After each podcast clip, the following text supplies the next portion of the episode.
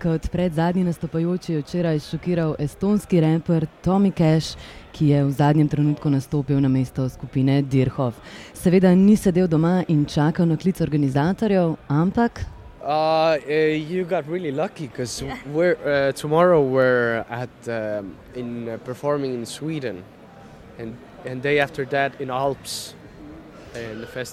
To mi pravi, da smo imeli srečo, saj že danes nastopa na švedskem in na to še na festivalu v Alpah, tako da je ment obiskal spotoma.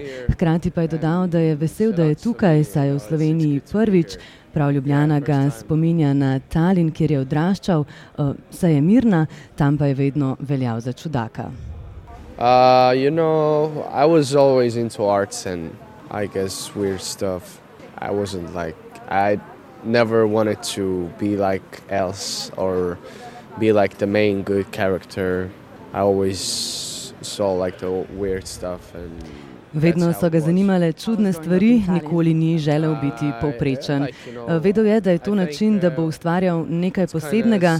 Na vprašanje, ali je danes biti drugačen oziroma čuden nekaj bolj normalnega kot včasih, kot je odraščal, oziroma ali je danes čudno, moderno in kul, cool, pa Tommy Cash odgovarja takole. You know, it's still not it, you know, like uh, that doesn't make you artsy if you wear if you have colored dreads or like you know like uh, I, I don't know.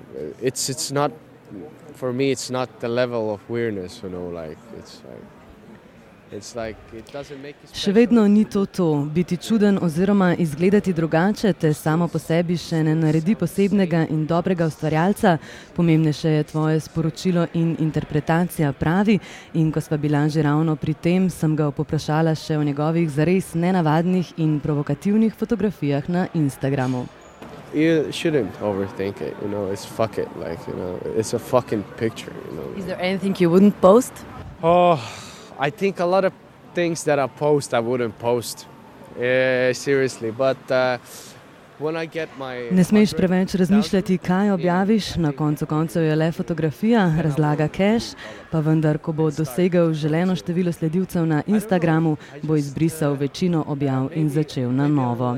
Sicer ne vem, kaj med njegovim nastopom včeraj je razmišljalo občinstvo, vem pa zagotovo, da če ne prej se je razumelo na njegov aktualni komat Winaloro, za katerega je estonski reper tudi sam posnel video spot vreden ogleda, če niste preobčutljivi.